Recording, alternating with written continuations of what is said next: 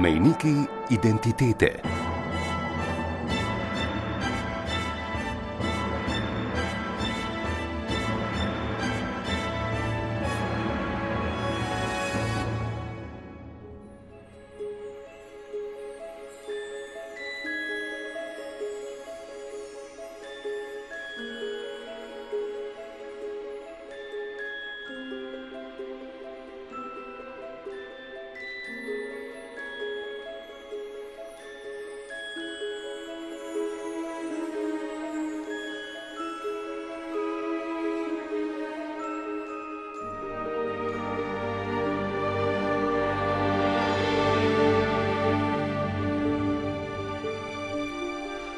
V eni prejšnjih oddaj smo preučili plemstvo na slovenskem in ugotovili, da je vedenje povprečnega slovenskega državljana, ki ni zgodovinar, o tem zelo skromno. To je razumljivo, saj so bile povojne generacije v drugi polovici 20. stoletja vzgojene v socialističnih okvirih, ko je bilo vse podrejeno revolucionarnim političnim stališčem, ki so v plemstvu videla ostanek feudalizma ter nepravičnih odnosov med vladajočimi in tlačenimi, med izkoriščevalci in izkoriščanimi. Brčko ne tudi danes na ravni splošnega izobraževanja nismo storili veliko pri preseganju črno-belega pogleda na plemstvo na naših tleh.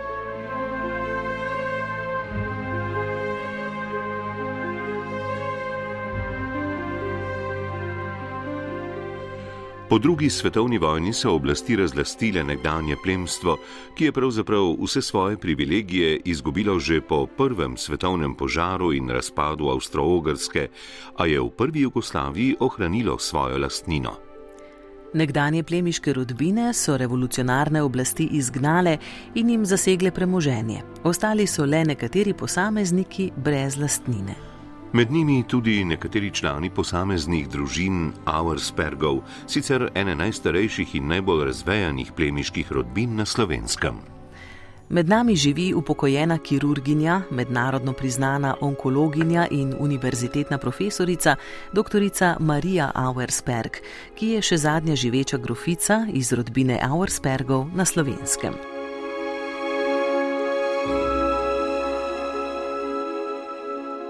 Rodbina svobodnih grofov Auerspergov se je na tedanjem Kranskem naselila v drugi polovici 11. stoletja, ko je prejela v posest grad Turjak, zato jim pravimo tudi grofje Turjaški. V tisočletju potem so vse do razpada Habsburškega cesarstva sooblikovali politično, družbeno in tudi kulturno življenje na slovenskem, saj so bili najvplivnejša plemiška rodbina na naših tleh in tudi ena najvplivnejših v avstrijskem cesarstvu. Za njihove zasluge je eno izmed dveh rodbine Auerspergov Dunajski dvor celo povzdignil v kneze. O plemiški rodbini Auerspergov, eni prvih na slovenskem, smo se pogovarjali z docentom dr. Mihom Prajmfalkom, višjim znanstvenim sodelavcem na Zgodovinskem inštitutu Milka Kosa pri Znanstveno-raziskovalnem centru Slovenske akademije znanosti in umetnosti, ki že vrsto let preučuje plemiške družine na slovenskem. Vsekakor so bili med prvimi. Zdaj o njihovem izvoru so se v preteklosti kresala mnenja, obstajale so različne teorije, ampak mislim, da je zdaj v zadnjem času um, dr. Petr Štih kar zelo prepričljivo pokazal, da so Auerspergi pravzaprav prišli iz Bavarske nekako sredi 11. ali mogoče v prvi polovici 11. stoletja. To je bilo obdobje, ko je bilo današnje slovensko ozemlje relativno precej prazno, bi rekel, kar se tiče teh gospodstvenih struktur in takrat je cesar. Radodarno delil zemljo svojim podpornikom, takrat so prišle mnoge pozneje visoko plemiške rodbine na slovenski prostor, kot so naprimer Španhajmi, Ebenštajnci, Goriški grof in tako naprej. In med njimi tudi nekateri, mogoče malo manj pomembni, med njimi tudi Auerspergi, ne, ki pa so se tukaj kar hitro ustalili imeli so precej veliko posest. To posest imenujemo danes v zgodovinopisu z terminom pragospostvo Ribnica, ker je segala od Turjaka vse dol do juga do Kolpe. Ne. Tako da so Auerspergi pravzaprav bili tukaj na slovenskem v tem visokem srednjem veku kar pomembna uh, plemiška rodbina s precej veliko posestjo. Ampak takrat je ta posest obsegala pravzaprav samo tale južni del od Ljubljana navzdol do, bom rekel, sedanje hrvaške meje do Kolpe. Ne? Ja, tako. To je ribniško kočevsko. Ko smo delali knjigo o Turjaku, se je s tem precej natančno ukvarjal moj kolega Miha Kosi, ki je potem umestil tudi Auersperge v ta kontekst visokega in poznega srednjega veka in dejansko ugotovil, da ta posest, ki jo imenujemo pragospodstvo ribnica, ni bila feud Ne? Se pravi, da ni bila od nekoga drugega, nekega gospoda, kot se je eh, do zdaj uh, smatralo, da je bil to oglejski feud, da je bilo to v lasti oglejskega patriarha, ki je potem to podeljeval uh, naprej drugim. Ne? Ampak da je bil to pravzaprav turjaški alot, se pravi, svobodna, samostojna posest turjaške družine, ki pa je potem, ko je ta prvotni svobodni rod v sredini 13. stoletja izumrl, prešla na drugo plemiško rodbino in sicer na grofe Ortenburške, ki so bili s, to, s temi Arspergi prvotnimi v tesnem sorodstvenem, tesni sorodstveni povezavi in so zato tudi dedovali to obsežno posest, ne pa v celoti. Ne. V, v turjaški zgodovini je ena taka zelo zanimiva zareza, zelo zanimiv dogodek sredi 13. stoletja, ki tudi še ni bil popolnoma razložen, čeprav s pomočjo indicov, analogij in tako naprej lahko relativno dobro rekonstruiramo to dogajanje. In sicer, da je do sredi 13. stoletja ta svobodni rod turjaških. V moški liniji izumrl. Ne, se pravi, da ni bilo več moških eh, potomcev, in na njihovo mesto potem stopi nek drug rod, ki se prav tako imenuje Turjaški oziroma Auersberg v, v virih, ampak iz listin, iz dokumentov je vidno, da e, nima enakega statusa kot prejšnji. Ne? Recimo, to se v listinah vidi tako, da ko se je neko dejanje zgodilo in so to z, z listino potem obeležili, so na koncu seveda priče ne, tega dejanja. In više, ko so priče, bolj ugledna je družina. Ne, če pogledamo to, so, ta svobodni rod so vedno na samem vrhu med pričami, medtem ko zdaj naenkrat pa te drugi Auerspergi jih zasledimo posem na dnu. Ne. Med temi pričem, med pričami raznih teh um, dejanj pravnih. Ne. In to je en jasen dokaz, da so ti Auerspergi pravzaprav neki, neki drugi, z nekim drugim statusom. Zdaj, kaj se je zgodilo, in pravzaprav, kot rečeno, ne moremo čisto natančno rekonstruirati, lahko pa rečemo, domnevamo, da so ti zdaj ponovno nesvobodni Auerspergi, ministrijali so bili, ne, da so lahko biološko povezani, da izhajajo biološko iz svobodnega rodu, ampak da so v nekem trenutku zaradi neke okoliščine izgubili ta svobodni status in ta visok položaj položaj. Recimo, ena od možnosti je ta, da se je eden od njih poročil z nesvobodno ministerijalko in so potem posledično potomci izgubili ta svobodni status. So pa, vsaj po mojem mnenju, morali biti v nekakšni tesni povezavi s svobodnimi Auerspergi, ker sicer ni možnosti, da bi podedovali vsaj del njihove posesti, vključno z izvornim gradom Turjakom, ne, ki je ostal v lasti zdaj te ministerijalne nesvobodne linije Turjaških, medtem ko je ostalo večino ostale posesti. Večino tega prvotnega pragospodstva Ribnica prišlo v roke eh, grofom Ortenburškim, ki so bili pa seveda veliko, na veliko višjem položaju.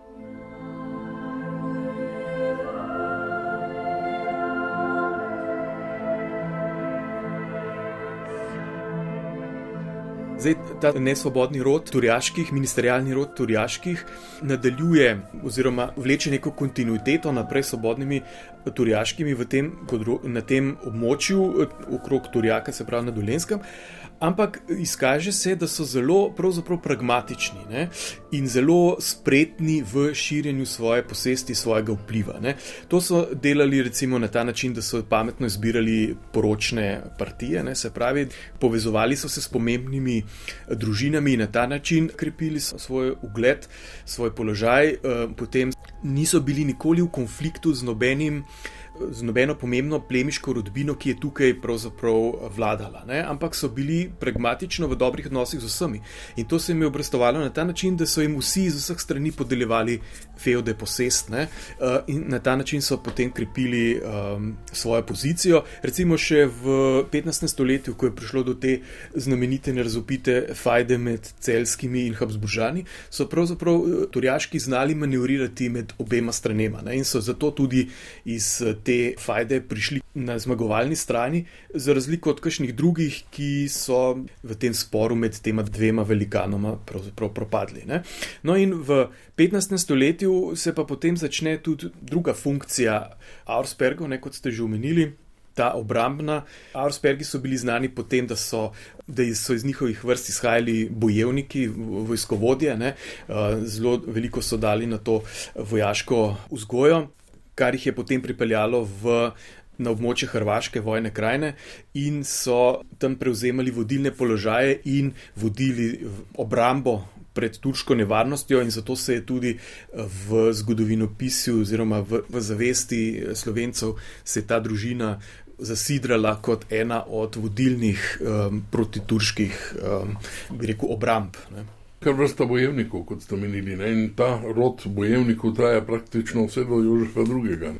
Ja, pravzaprav je ta, ta vojaška funkcija bila bolj aktualna v 15., 16., tudi še v 17. stoletju, potem pa to pravzaprav niti ne več, ker turška nevarnost dejansko ni več od 17. stoletja naprej tako aktualna, kot je bila predtem. Ne? Je pa res, da je v, prav v tem času izšlo kar nekaj um, znamenitih mož iz vrst turjaških, ki so potem prišli v neko bi rekel, mitologijo, lahko rečemo, um, te slovenske zavesti, recimo, ta, predvsem sta znamenita Herbert in Andrej, to sta bila um, sicer neka, recimo, temu bratranca, ne Herbert, ki je izhajal dejansko iz Turjaka in njegov bratranec Andrej, ki je prišel iz Žuženberške veje. Ne. Te dva sta, sta imela največje uspehe na področju um, obrambe proti Turkom. Herbert sploh je bil neka taka tragična figura, ker je v eni od bitk s Turki padel, Turki so mu cekali glavo, potem jo tam kot plen razkazovali po Istanbulu.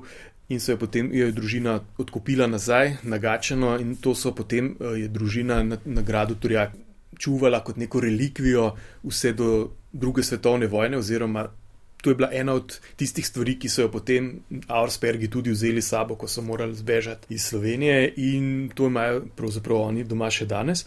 No, po drugi strani imamo pa Herbertovega bratranca Andreja, ki se je pa zelo proslavil v bitki pri Sisku. Ne, to je bila ena najbolj znamenitih bitk proti Turkom, zaradi tega, ker je pokazala, da so Turki premagljivi. Ne. Do takrat so Turki veljali kot strah in trepet.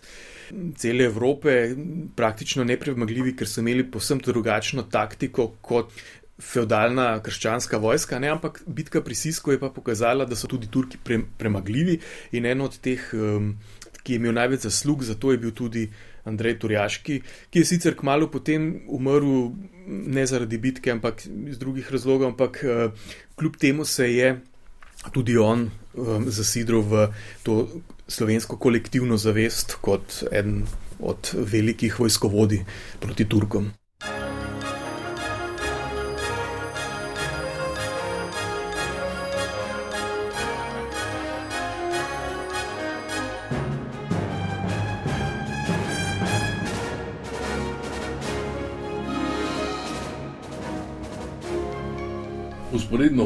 Usporedno se bo kaže še nekaj, ne, da se pravzaprav posesti Augsburgov. Širijo in silijo proti jugovzhodu. Ne? Ja, ne samo proti jugovzhodu, ampak še marsikam drugam. Kot sem rekel, so Arsbergi bili zelo uh, spretni pri širjenju posesti in svojega vpliva. Uh, recimo v sredi 15. stoletja pridobijo eno zelo pomembno posest to je uh, Žuženberg s Šumbrkom bližnjim. Ne?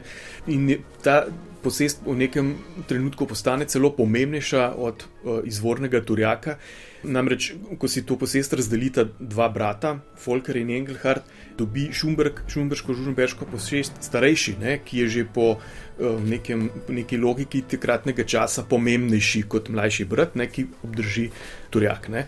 Potem, recimo, sredi 16. stoletja se začnejo potem širiti tudi v današnji avstrijski prostor. Ne. Recimo, eden od uh, turjaških bratov se poroči v spodnjo Avstrijo in tam osnju, osnuje svojo, temu rečemo, avstrijsko linijo Auerspergov, ki se je obdržala več kot pol tisočletja. Zadnji moški potomec te avstrijske uh, linije Auerspergov, recimo, je umrl. Med drugo svetovno vojno, ne? takrat je ta linija dokončno izumrla. Potem imamo pa v 17. stoletju, pa sploh pride do enega zelo velikega preskoka v turjaški družini, ko sežejo celo na cesarski dvor.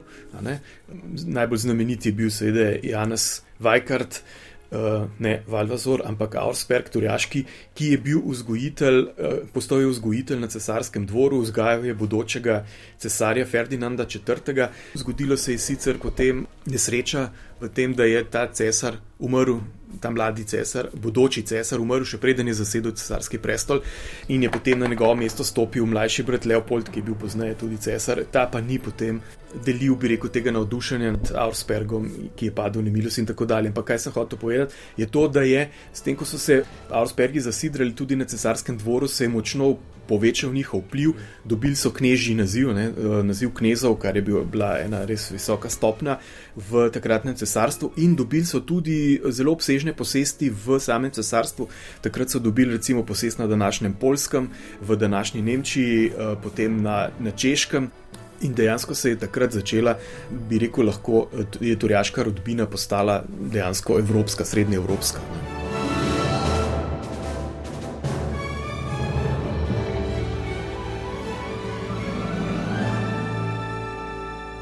Začetkom novega veka se poveča tudi gospodarska dejavnost Auerspergov. Ja, pravzaprav tako zgodaj ni, ni bilo, to je bilo sicer kasneje, ampak Auerspergi so bili eni od tistih, eh, ki so prepoznali um, nov čas. Nov čas da pravzaprav prihodnost ni samo v zemlji, v zemljiški posesti in v renti, ki jo prinaša ta zemljiška posest. Ampak tudi v industriji. Ne? Prav ta knježja linija je bila znana potem da so recimo iskali premog na Kočevskem, uh, potem uh, ta znamenita njihova železarna v dvoru pri Žuženberku je bila tudi njihovo podjetje. Ne. Tako da Auerspergi so bili dejansko ne sicer tako prodorni kot nekatere druge. Uh, Visoke plemiške rodbine v današnjem prostoru, ki so še bolj vlagali, naprimer, grofje Turni, ne, ki so imeli obsežne rudnike in železarne na, na Koroškem. Ne. Ampak so prepoznali ta novi čas in se znali tudi temu uh, prilagajati. Kje vse so imeli te, samo na dolenskem, svoje obrate? Zdaj, kar se tiče slovenskega prostora, predvsem tukaj, predvsem na Dolenskem. Medtem ko v drugih delih Evrope so imeli pa tudi druge, recimo zlasti je bilo to na Češkem, kajti Češka je bila že sama po sebi, bi rekel, ena najnaprednejših uh, habsburških dežel. Ne? In tam, so, tam je plemstvo res na veliko um, se ukvarjalo tudi z neagrarno uh, dejavnostjo in tudi Arspergi, se pravi, predvsem ta knježja linija, ki je imela tam posesti, uh, so imeli tudi tam neke, recimo, kaj ste vem, neke opekarne ali pa tovarne špirita in podobno. Ne. Mhm. Omenili ste več teh vej uh, Arspergov. Ne samo v Sloveniji, tudi drugod. Ali so se bili med seboj v kakšnem hierarhičnem odnosu, je bil nekdo več od drugih ali ne? Ja, vedno je bil tisti, ki je imel v lasti grad Turjak, je veljal nekako za šefa družine, šefa celotne rodbine, ker Turjak so vse linije, vse veje, ne glede na to, kje so živele, smatrale za svoj izvorni grad, po nemško Štamšlos. Ne? In tisti, ki je imel v lasti ta Turjak, je veljal za šefa družine. Je pa res, da če gledamo plemiško hierarhijo, je vsekakor na najvišjem nivoju bila knežja linija, ne? ker knezi so po plemiški hierarhiji više od grofov, ki so recimo bili na Torjaku in so že z tega stališča knezi uživali večji ugled kot grofje, ampak kljub vsemu je pa, bi rekel, ta funkcija uh, lastnika izvornega gradu je bila tako velika, da so pravzaprav vse linije, čeprav so živele bolj ali manj samostojno, ne, nekako priznavale ta, to prvenstvo temu grofu, ki je imel v določenem času uh, v lasti grad Turjak. Zaprav primat je bil vendar le tam. Ja. Eh, kje so bili pa knezi? Avšpergi. Knezi so imeli pa v slovenskem prostoru sedež na Kočevskem, ne, Kočev je bilo njihovo središče, poznaje tudi so pridobili bližnjo Sotesko na drugi strani Kočevskega roga. Ne. To je bila glavna posest uh, v slovenskem prostoru, potem pa, kot sem omenil, so imeli posesti tudi v Avstriji, uh, na današnjem Češkem, recimo ta, Vlašim ali Vlašim je bil eden od centrov, to je južno od Prage, je bil eden od centrov eh, knežje posesti na, na Češkem, pa seveda potem, kot sem rekel, tudi v Nemčiji, v današnj, v, na Švabskem, in imeli so potem tudi dve. Kneževini na današnjem Polskem. To je bilo, kot sem omenil, je dobil prvi knez Janez Vajkard zaradi svoje, svojih zaslug pri vzgoji prestolnega naslednika. No, ko je pa zaradi raznih političnih peripetij bila ta polska posest uh, ogrožena, oziroma je zasedel pruski kralj, so se potem odločili, eh, seveda v dogovoru s cesarjem, da so to posest prepustili Prusiji, oni so pa v zameno za to dobili uh, kočevje, ki so ga takrat povzdignili, ga je cesar povzdignil v vojvodstvo ne, in zato so imeli naziv um, kočevskih vojvod. Ne.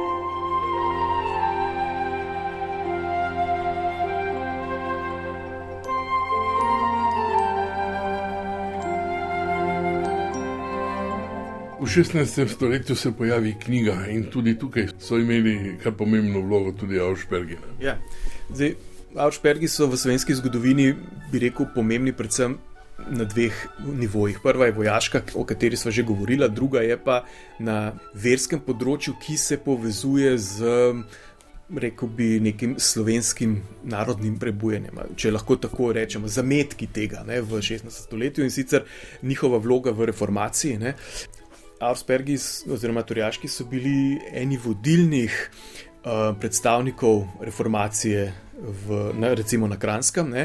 in z tega stališča so tudi močno podpirali uh, slovenske reformatorje, kot so Trubar, Dalmatin in, in, in ostali, in so z, na ta način tudi pripomogli k temu, da je Trubar lahko naredil tisto, kar je naredil. Ne? In z tega stališča je pravzaprav vloga turjaških v 16. stoletju, bi rekel, kar neprecenljiva. Ne. No, pa vendar jih, bom rekel, protireformacija ni odnesla. Ne. Ne, ker so se zatekli k svoji pragmatičnosti, po kateri so sloveli že od samega začetka.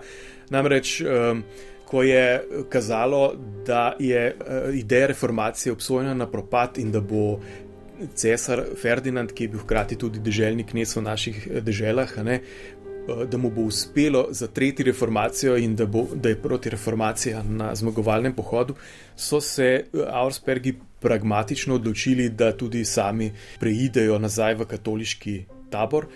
Kar se jim je obrestovalo na več nivojih. Prvič, smeli so ostati v svojih deželah, ni se jim bilo treba izseliti, in drugič, eh, bili so nagrajeni z grofovskim nazivom, do leta 1630 so bili namreč. Eh, bi rekel v narekovajih zgolj baroni, medtem ko jim je potem cesar, skoraj bi rekel, kot nagrado za njihovo um, vrnitev v katoliško vero, podelil potem še grofovski naziv. Ne.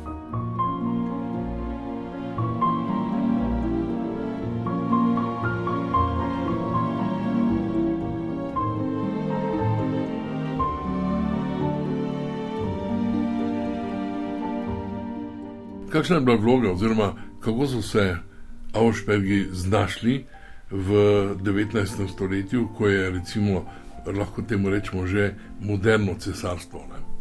Ja, tukaj lahko pogledamo več nivojev. Ne? Zdaj, gospodarsko jih um, je recimo odprava feudalizma in ta zemljiška odveza po svoje prizadela, tako kot pra, praktično vse plemstvo, po drugi strani pa ne tako močno kot druge uh, rodbine, zaradi tega, ker so imeli le. Predvsej veliko posest, ne, predvsem gozdove in tako naprej, tako da so se potem osredotočili predvsem v, to, eh, v ta del svojega gospodarstva in so jih gozdovi dejansko potem obdržali na površju. Zdaj, tukaj je mogoče bolj zanimiva njihova vloga v teh nacionalnih trenjih. Ne.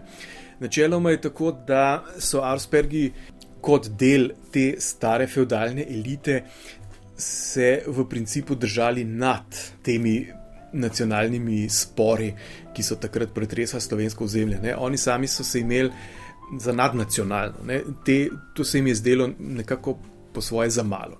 Zdaj, imamo seveda tudi izjeme, recimo ta znameniti Antol Aleksandr uh, Auersberg iz Šebrskega turna, ki je bil uh, poznan predvsem kot pesnik Anastasijo Skrin. Ne? On se je precej izpostavljal v teh nacionalnih bojih. Zanimivo je, da je bil od začetka pravzaprav naklonjen ne, tej slovenski ideji, recimo, ko se je začela sredi eh, 19. stoletja pojavljati oziroma buditi. Recimo že, tem, že to, da je bil uh, dober prijatelj od Prešerna, ne, nekaj pove. Se je pa potem zelo um, obrnil proti temu slovenskemu narodnemu gibanju, ki se mu je zdelo precej agresivno, oziroma on ga je smatral za nezrelega. Ne? On je smatral, da ja, Slovenci se boste dvignili kulturno in jezikovno, ampak samo ob naslonitvi na uh, bolj razvito nemško kulturo. Ne? In ker je tudi zaradi svojega značaja, bil je namreč zelo hitre jeze, znal je biti tudi grob. Ne? Eh, so ga ti vodilni slovenski politiki hitro zasovražali. Je bil eden, ena od najbolj osovraženih osebnosti, eh, recimo temu druge polovice 19. stoletja pri nas, ne, tudi ko so mu potem poskušali, oziroma so mu deset let po smrti, eh, so mu klele pri križankah, kjer je bil rojen, ne, postavili spomenik, so, bili, so tukaj v Ljubljani eh, izbruhnile številne demonstracije in protesti zaradi tega. Ne, in tudi recimo leta 18, ko je bilo konc monarhije, bil njegov spomenik eden prvih, ki so ga odstranili. Ne po drugi strani ni vse tako črno-belo. Recimo, če pogledamo njegovo oporoko, on je zelo veliko denarja namenil svojim, kot je napisal, nekdanjim eh, podložnikom v, na, v Krškem. Ne? Recimo od Tantjeme, od svojih uh, pesmi, bil pesnik namreč, ne, je uh, namenil za štipendije Eh, in kot je napisal, da so v prednosti njegovi uh, slovenski uh, podložniki, da dobijo to štipendijo, in potem, če ni, tudi potem nemški. Ne. Tako da bi rekel, bolj ko kopljemo, bolj zapletena slika se nam kaže. Anastazij Grin je bil recimo v preteklosti prikazan izrazito enostransko, ampak zdaj vidimo, da pravzaprav ni bil tako. Bi rekel, grozno nastrojen ne, v splošnem proti slovencem, kot je bilo prikazano.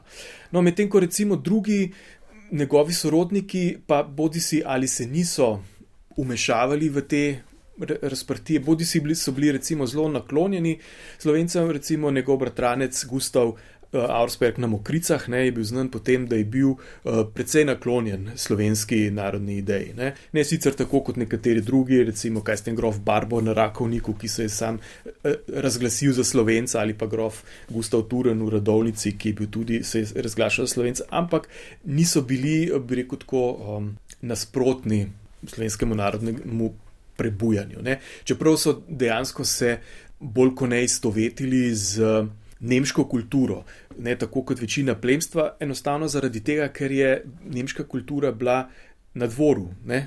In oni so spadali v ta krok, in je bila nemška kultura pač njihova primarna kultura. So pa vsi bili zelo povezani tudi s slovensko okolico svojo, vsi so seveda znali tudi slovensko, to je um, dokazano z več primeri. Tako da Ta nacionalna opredelitev plemstva, med njimi tudi Arspergov, je precej zapletena. Ne? In dejansko so bili prisiljeni v nekem smislu, da so se opredelili za eno ali drugo stran, čeprav se sami niso hoteli. Ne. In eh, kako zelo so bili povezani s tem o, prostorom, kaže tudi podatek, da so tudi po prvi svetovni vojni, ko se je veliko plemstva izselilo, ker niso hoteli živeti v novi slovanski državi. Arspergi so bili eni od tistih, ki so tukaj usta, ostali. Ne. In uh, zanimivo je, recimo, da je ta linija, ki je živela na Turjaku, tudi prevzela jugoslovansko državljanstvo. Ne? Uh, recimo, moški člani so služili v jugoslovanski vojski. Ne?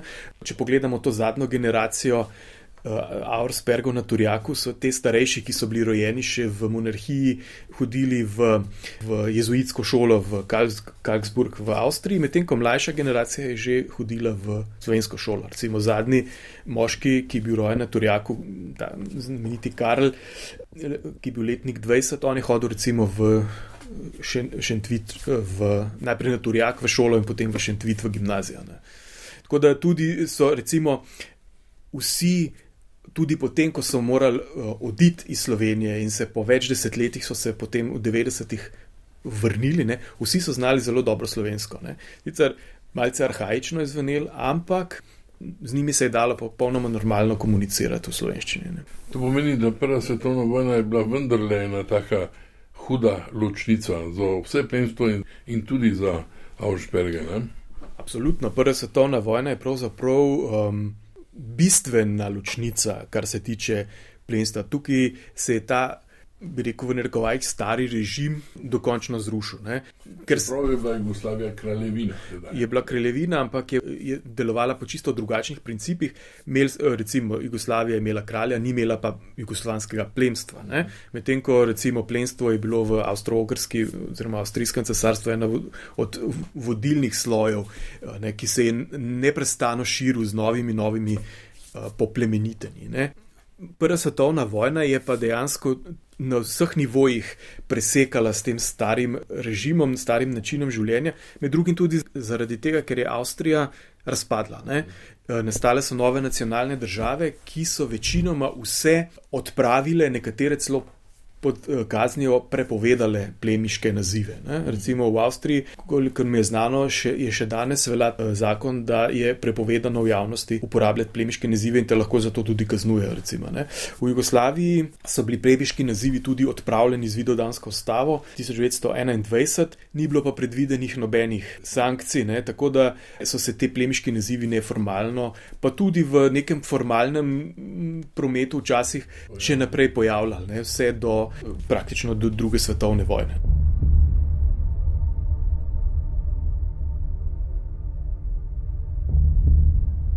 Osnovo za življenje so Auerspergom sprva dajala kmetijska posestva in gost, poznaje v 18. in 19. stoletju pa gospodarska dejavnost. Osnova za bivanje je vsekakor bila njihova posest. Oni so kljub, kljub temu, da so že leta 48 zgubili, 1848 izgubili nekaj posesti in da je tudi ta agrarna reforma po letu 18 v Jugoslaviji jih močno prizadela in je vzela precej posesti, je še vedno so jo obdržali toliko, da jim je zagotavljala relativno normalno življenje, zlasti kneži liniji, ne, ki so imeli praktično cel kočevski rok.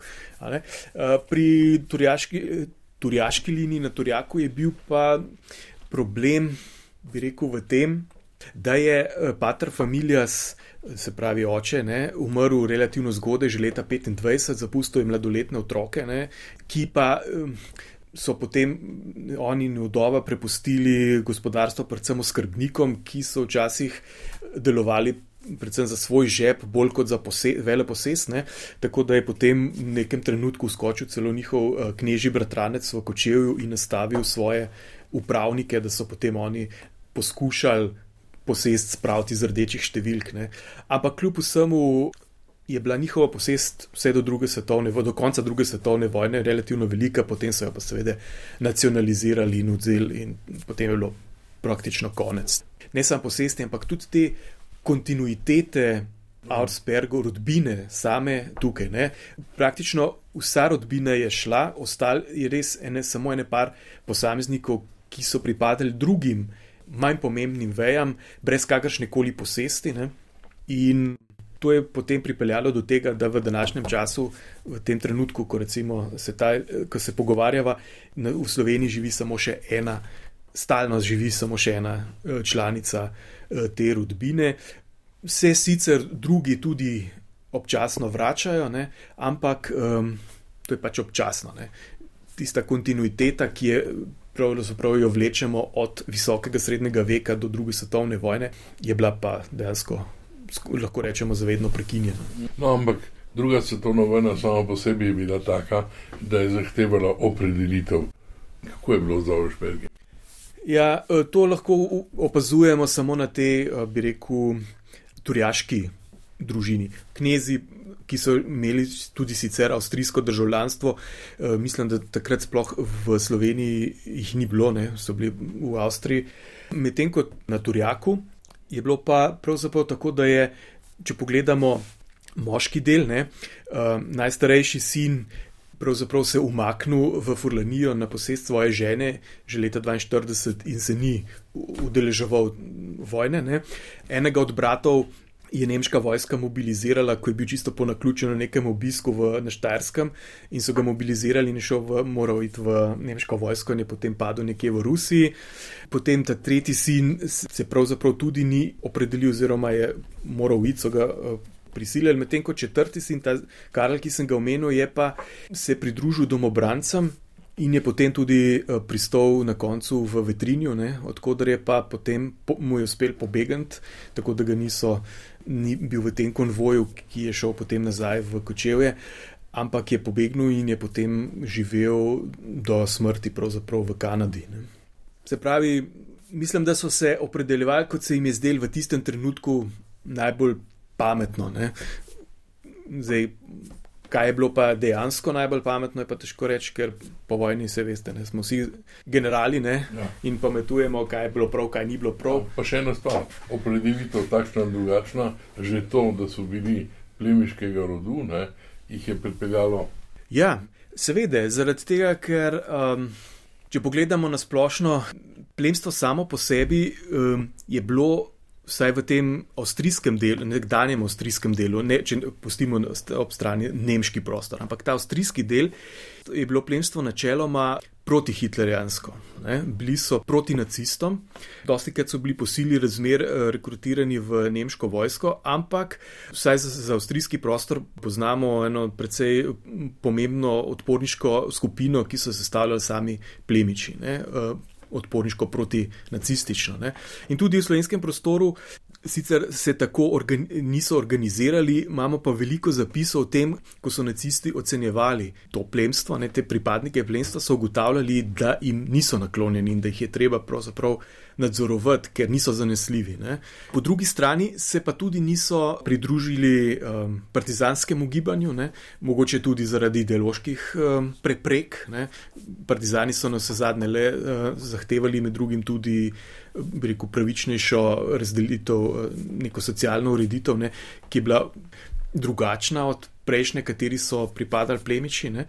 Čeprav ni malo primerov, ko so tudi plemiči podpirali predvsem materialno partizansko gibanje. Ne? Recimo, ko gledamo te razne zapise uh, po vojni, ko so obračunavali z plemstvom in Nemci, ne? nova oblast, ko je obračunavala z njimi, imamo polno nekih poročil iz lokalnega okolja, kjer ljudje pričajo v korist plemiču, ne, da jih je podpiral, da so bili vedno na njihovi strani, da tako naprej. Ampak do, uh, pravzaprav to je bilo. Generalna linija je bila drugačna. Drugačna in plemstvo večinoma je bilo prisiljeno, da je zapustilo slovenski prostor. Ne.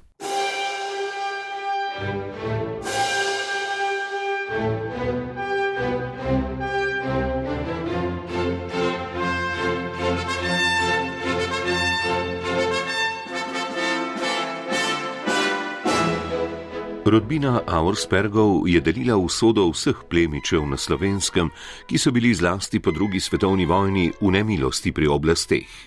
Razlaščeni in brez virov preživetja so se skoraj vsi umaknili v tujino. V očeh ljudi, ki so jih poznali, pa je bila slika grofov in knezov Auerspergov veliko bolj svetla in rožnata. Z raziskovanjem plemstva se samo ukvarjam že 20 let in že malo več. In v tem času sem imel priložnost še osebno spoznati nekatere člane tega nekdanjega plemstva, ki so še pred drugo svetovno vojno tukaj živeli in so lahko iz prve roke mi povedali kakšne stvari. In lahko rečem, da so vsi po vrsti čutili zelo veliko nostalgijo, zelo veliko, veliko bolečino, da so morali živeti drugje ne, da, so mora, da so bili prisiljeni oditi iz uh, slovenskega prostora in so smatrali slovenski prostor še vedno za svojo domovino. To se kaže tudi na, v tem, da so se večinoma vsi odločili, da svoje zadnje počivališče zberejo tukaj. Ne. Imamo Aursperge, ki so pokopani na Turjaku, imamo recimo Livijo Barbo, zadnjo grofico Barbo, ki je pred leti umrla in je pokopana uh, tukaj v Štepani vasi, sicer pri Kodelih, ki, ampak kjer je bila iz katere družine je bila njena mama, ampak recimo. Potem recimo imam, poznamo Herberštajne, ki so tudi tukaj uh, pokopani.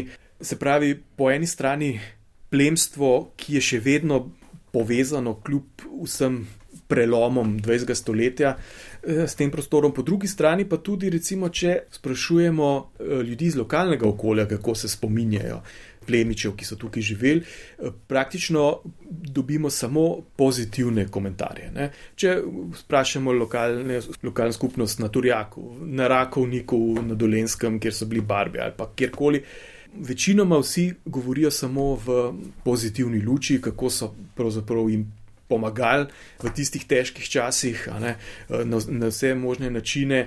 In ta negativna podoba, ki je spremljala plemstvo praktično cel čas po drugi svetovni vojni, ni, ne temelji pravzaprav na dejanskem stanju, po mojih izkušnjah, kot, kot je meni uspelo nekako ugotoviti na terenu, bi rekel. Ne. Tako da eno je neka uradna podoba, ki smo jo bili deležni vse čas, drugo je pa te, ta neka neformalna, ki je pa ne samo drugačna, lahko je celo posebno nasprotna.